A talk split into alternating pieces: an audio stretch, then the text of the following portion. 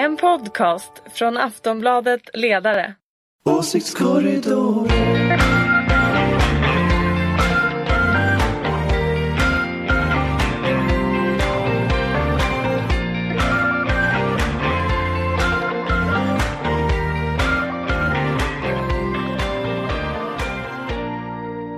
Och välkomna till Åsiktskorridoren, en podd från Aftonbladets ledarredaktion. Idag har vi förpassats till Jan Helins kontor och det blir en sportlovsvariant av podden. Vi är ju även en decimerad skara idag som består av mig, Hanna Olsson, jag är samhällschef på Aftonbladet, och dig Ulrika Schenström, hej. Hej! Och dig Karin Pettersson, Hallå! hej. hej. Jag ser det som ett mästarmöte. Yes, äntligen är vi ensamma. Vi sitter här framåtlutade över en och samma mikrofon. Nu jäklar blir det. Det är någon sorts corner office. Ja. Eh, Det är ju lite sportlovsstämning men vi ska ändå eh, snacka aktuell politik. Vi ska prata om Saudiavtalet. Vi ska prata om våpen och vi ska prata om en bild i DN som har fått väldigt mycket uppmärksamhet i veckan. Men vi måste börja med att bara fråga hur är läget med er? Jag är väldigt förkyld. Ja, Jag tänker, ut, Men det är bra, men det är liksom väldigt snuvigt. jag tänker försöka utnyttja denna svaghet som visste visar. Nej men jag är, jag är också lite konvalescent. fast men, du ser ju taggad ut ändå. Men det är Ja. för att Ulrika är svag ja, så blir du... Ja, Mm, men då blir äntligen man Styrkan går över.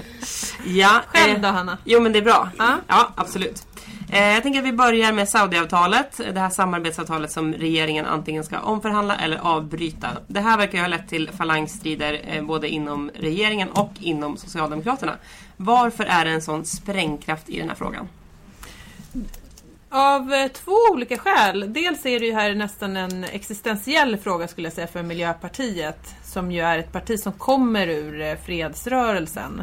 Det är ju en... Eh, det kan låta som att det inte är en fråga liksom i politikens centrum. Det, det handlar ofta liksom om jobb och skola och sånt där. Men för Miljöpartiet är det här en super, super viktig fråga. Eh, och de är ju, vi har pratat om det förut i podden, de är i den här övergången från liksom oppositionsparti, eh, idealistiskt, eh, ja, i, i liksom kamp mot ondskan. Och nu är de i regeringsställning och det är en annan roll. Det är svårt för dem. Sen är det också väldigt svårt för socialdemokratin. För det finns ett väldigt starkt motstånd internt. Från eh, stora delar av partiet, från sidoorganisationer som SSU och Broderskapsrörelsen. Eh, från starka liksom, opinionsbildare internt som verkligen inte vill De vill inte Eh, samarbeta. förlänga detta Nej, de vill inte samarbeta överhuvudtaget med Saudiarabien eller? Jag tror att, nej det är just vapenexportfrågan som är frågan. För där finns det också ett kongressbeslut från Socialdemokraterna på att man ska ehm, ha mer, ja, någon typ av demokratikriterium eh, när man ja, exporterar vapen. Inte liksom ett förbud mot vapenexport. Men utifrån ett sådant resonemang är det ju väldigt svårt att se ehm, att man skulle kunna förlänga det här avtalet. Min egen ledarsida, vi är också väldigt starka motståndare utifrån, utifrån det, eh, precis ett sådant resonemang. Så att det, här, ja, men det här är liksom riktigt, riktigt känsligt. Och varför regeringen vill förlänga, verkar vilja förlänga, eller var- varför delar av regeringen, får vi se vart det här landar, det är ju för att Dels verkar det ju, Svenska Dagbladet hade igår eh, en story om att det hänger ihop med eh, idén om att, att man vill komma, Absolut. Komma med säkerhet- kampanjen för att komma med i säkerhetsrådet. Mm. Men sen också att det påverkar relationer i övrigt i Saudiarabien som är ett viktigt exportland för Sverige och där man vill, dit man vill öka exporten har ju mycket damm, Ja. mycket damm sagt. Sen är ju den här frågan också en sån här typisk fråga som en opposition alltid gillar att liksom lite grann jävlas med regeringen. Där, och det här vet ju Socialdemokraterna, det vet Moderaterna framförallt som har suttit på den information om Saudi fram och tillbaka i två olika, tre olika regeringar. Eh, så att skulle jag vara där borta på Mynttorget så skulle jag ju tycka att det var jätteroligt att retas med det här för att det är ju lite knepigt och det är ju massa information som man troligen inte kan heller gå ut med och så. Sen har jag ju svårt att tänka mig att Löfven överhuvudtaget är en, den typen av politiker som faktiskt skulle vilja ta bort det hela med tanke på hans bakgrund och vad han har jobbat tidigare och så vidare. Så att det här genererar jobb, det är exportfrågor, det är liksom... Ibland så är det sådär när det kommer till de här vapenfrågorna som jag tycker är väldigt intressant med Sverige. Det är såhär, vi är en vapennation och det är liksom, vi vill inte ta in det här i hjärtat och själen. Så kan man tycka om det eller inte tycka om det men vi råkar ju vara en av de stora nationerna som exporterar vapen. Det är ingenting man vill tänka på i alla fall. vi gör. Nej, jag håller helt med om det. Men jag tänker bara på liksom den svenska själen lite grann. Att vi, vi vet intellektuellt om det här men det känns ju inte bra. Och det är därför de här frågorna blir extra komplicerade tror jag. De blir det, men sen ska man väl säga också att motståndet mot det här avtalet det sträcker sig långt utanför, man ska säga, vänstern. Eh, Saudiarabien är en av, ett av världens en, liksom värsta förtryckarregimer, en diktatur, allt det här. Jag menar, det, det är också ett land som folk tror jag har en relation till där man, där man, vet, man vet om kvinnors situation, man vet om eh, be, hur bestraffningar utförs. Alltså man, man känner till detta och därför blir det väldigt mycket dubbelmoral i allting som det blir görs. väldigt mycket dubbelmoral och det ett annat parti som är roligt att följa just nu är Folkpartiet som absolut. har suttit i regering. Som... Men det är ju typiskt va? Ja, det är typiskt? Det är väldigt, väldigt typiskt. Och Folkpartiet väldigt och typiskt Miljöpartiet Folkpartiet. är lite... Oppositions och liksom vinna Ja. små poäng. Vad är det Folkpartiet gör nu då? Nej men de är ju Kritiserar. oerhört kritiska Mm. mot Stefan Löfvens dubbelmoral. Fast de själva då satt i en regering som... Som kollektivt tog Ja. ett ansvar för att ja, fortsätta hålla i Saudi-avtalet. Men jag undrar Ulrika, vad tror du att det här kommer... Vad tror du kommer hända? Ingenting. Du tror att det kommer finnas kvar? Ja. Mm. Jag tror inte vi kommer att kunna ta bort det faktiskt. Av må- och nu har, jag har ingen sån information överhuvudtaget för jag har inte jobbat på liksom försvarsdepartementet. Men det är klart att det måste finnas information som man inte kan säga. Som handlar om vad då? Alltså, Ja, hur avtalet ser ut och varför, hur länge det ska sträcka sig och vad vi får, du vet så. så att det, Mhm, vad spännande. men jag tror att det här handlar egentligen om också jobb och, och den export. Det genererar ju liksom, vi, vi får, vad är det vi tjänar på det? Hur mycket pengar tjänar vi på det? Ja, det finns ju garanterat en sån kalkyl i botten. Men jag tror jag är, lutar åt, eh, för mig är detta liksom i grunden en moralisk fråga. Mm. Och, och eh, någonstans får man liksom dra gränsen för vilka man vill tjäna det är det pengar här på som och är på vilket sätt. Exakt, Ja, och, det är det här som gör det väldigt komplicerat. Men Absolut. hur länge kommer Löfven ha det hett om öronen? Jag tror att om det här avtalet förlängs så Mm. kommer han få det väldigt eh, kämpigt på den extra kongress som Socialdemokraterna kommer hålla senare i vår. Han, det här är en riktigt tuff fråga och hur Miljöpartiet överhuvudtaget skulle överleva Mm. detta, det har jag så svårt att se. Men det är väldigt mycket saker i regeringen som Miljöpartiet har svårt att överleva. Jo, fast men det här är ja, extra jag, jag håller med känsligt. om det, men det är tillsammans, addera ihop liksom så. Ja, det är liksom en perfekt storm som slår mot Ja, det Miljöpartiet eh, med tanke på att det både är Saudiarabien, det är vapen. Ja. Eh, ja.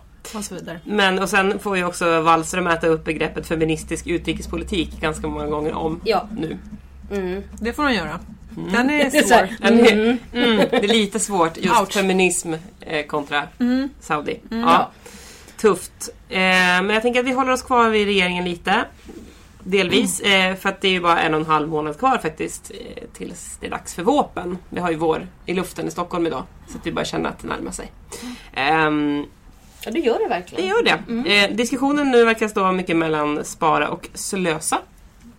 Ladorna är tomma, eller? Hur, hur är Men det? jag tror, alltså min, mitt grundtips på vad de kommer att göra är inte som väldigt många eh, borgerliga eh, eh, opinionsbildare tror att man ska liksom slänga fram massor med vänstergrejer och sånt där. Jag tror inte det efter Är det mycket skräckpropaganda där? Ja, jag, tror, jag tror inte det. Utan jag tror att de kommer ta bort sänkningen på arbetsgivaravgifterna. Nu har inte jag kollat exakt hur mycket man tjänar på det, hur mycket man får in till statskassan. Och sen tror jag att man gör antingen en skolsatsning, möjligen någon slags integrationssatsning. Någonting sånt tror jag. Och sen så kommer det vara så ungefär. Det är ungefär mitt grundtips. Men sjukförsäkringen då? Ja, möjligen. Ja, jag vet inte. Jag tror bara att man försöker få loss pengar på något sätt. Och då tror jag man tar bort den här sänkningen på arbetsgivaravgifterna. Vad tror du Karin? Ja, men jag tror, vi närmar oss ju en punkt där eh, den, den här decemberöverenskommelsen, principen är den ska testas. Mm.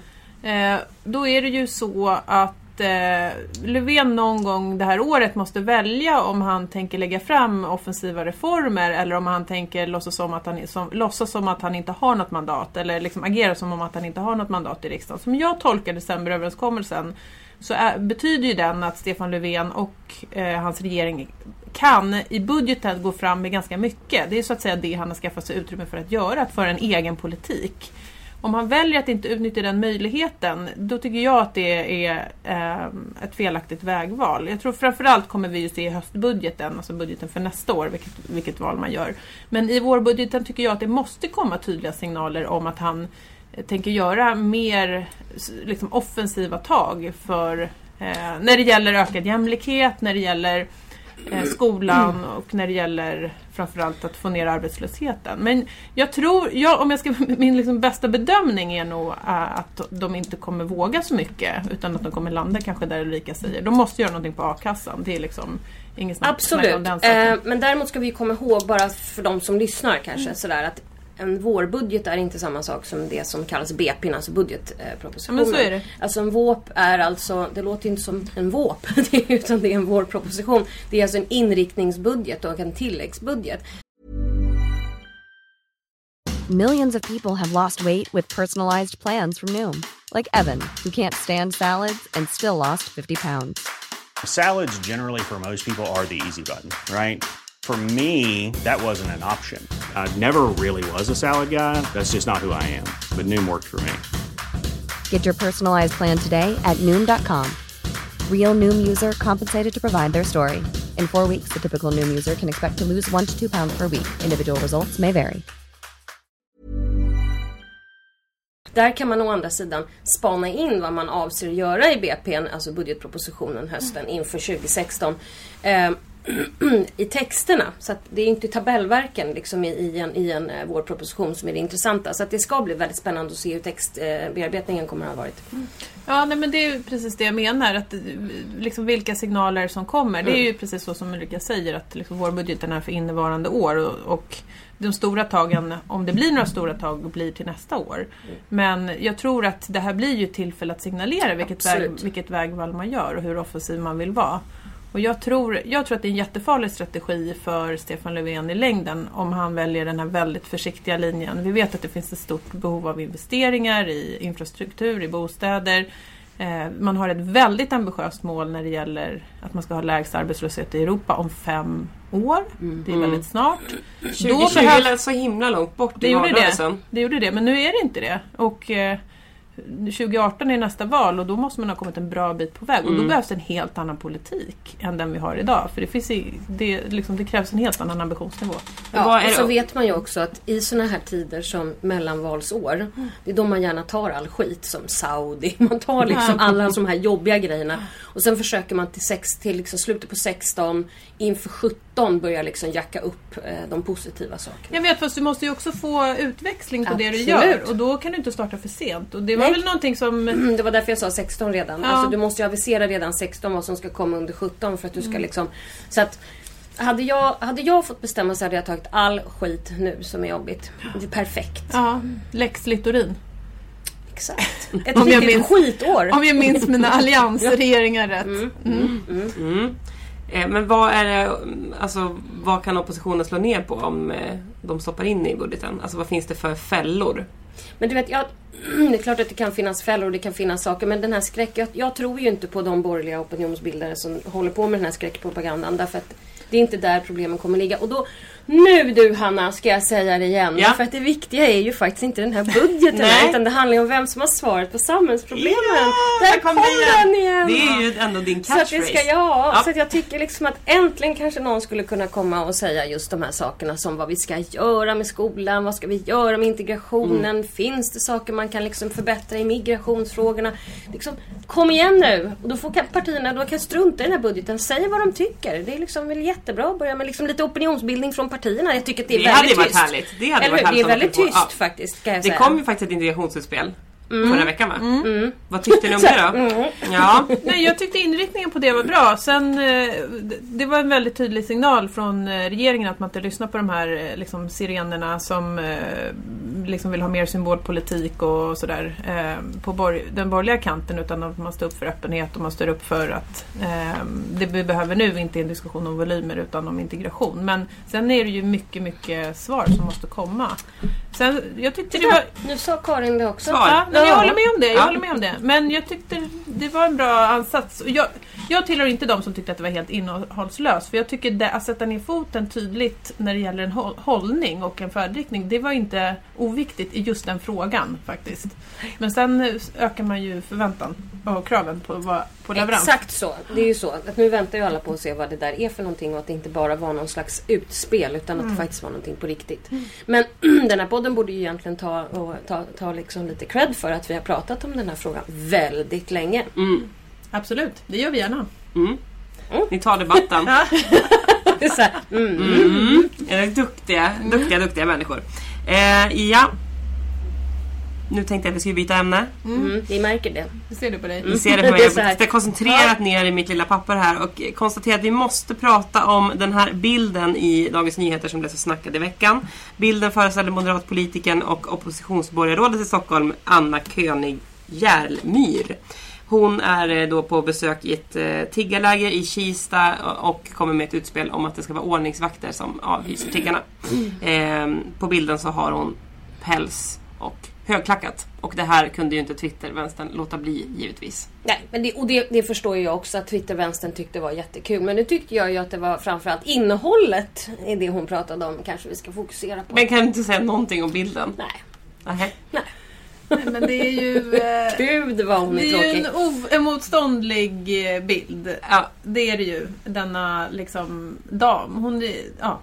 Det är en väldigt rolig kontrast mellan päls och... Eh, man smutsiga Samtidigt så vet ju jag, tänk om hon hade satt på sig gympadojor och, och liksom Jo men det måste här. finns något där mittemellan Ulrika. Ja men nu sa inte, men det mittemellan, det är det du har på dig ungefär. Ja, du ser. Och, men hon kanske inte ser ut så. Så att antingen är man sig själv eller också är man inte det. Och hade man inte varit sig själv så hade hon säkert fått Twittervänstern emot sig också. Nej. Jo det tror jag. Men, Det var något i kontrasten där som blev som sagt men PR-mässigt borde hon bara ha låtit bli att åka dit. Nej, det är väl jättebra alltså, att hon det är åker dit. jättebra att hon tar tag i de här frågorna. Det är ju liksom det absolut viktigaste i alltihopa. Faktiskt. Jag kan ju tycka så här eh, att det var en väldigt, väldigt rolig bild. Eh, som o, som sagt omotståndlig att... Eh, in, ja, det var omöjligt att inte reagera på.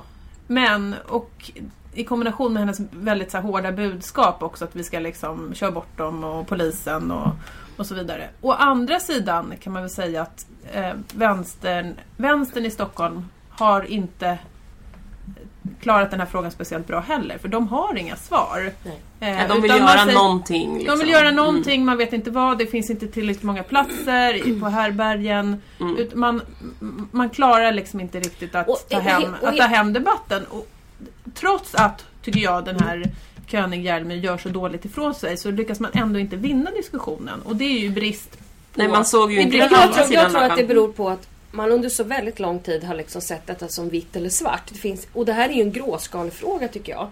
Det här handlar ju inte om så här, "Åh, vi måste förbjuda allting. Eller vi bara, alla får bara så här laissez-faire liksom, på något sätt. Utan det handlar ju ändå om, och det här har vi pratat om tidigare, det är ju liksom kommunerna måste ju liksom tillhandahålla vissa saker. Det måste ju finnas vissa typer av liksom spelregler. Det här handlar ju inte om att avvisa människor utan det handlar ju om att få alla människor att må lite bättre.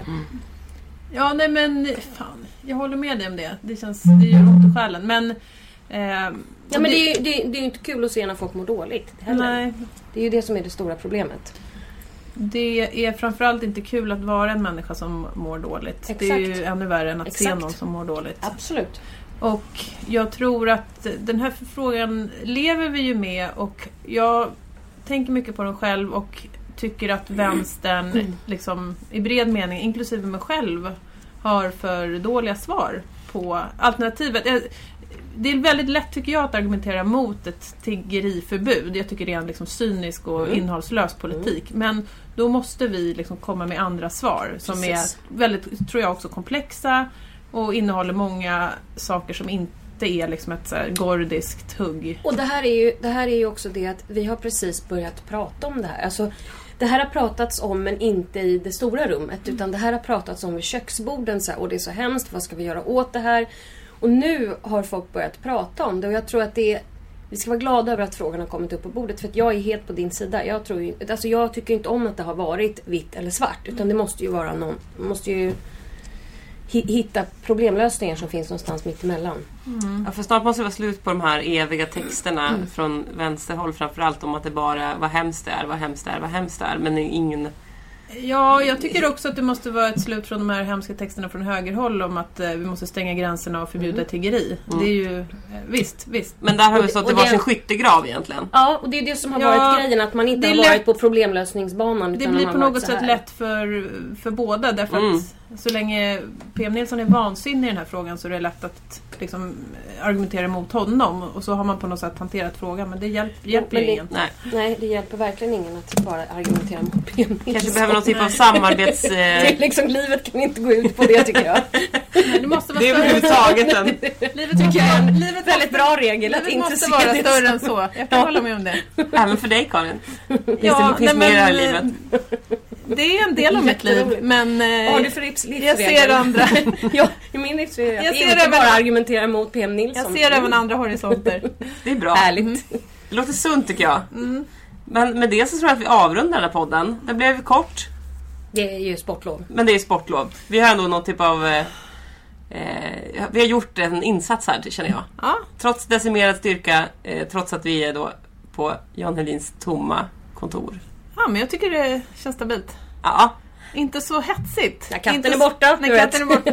Ja, jag vet ja när inte. släpper vi in Anders Lindberg igen så att det Ja, släpper vi-. Hett, hettar till Vi lite. släpper in honom nästa Så det blir vecka. skrik och bråk.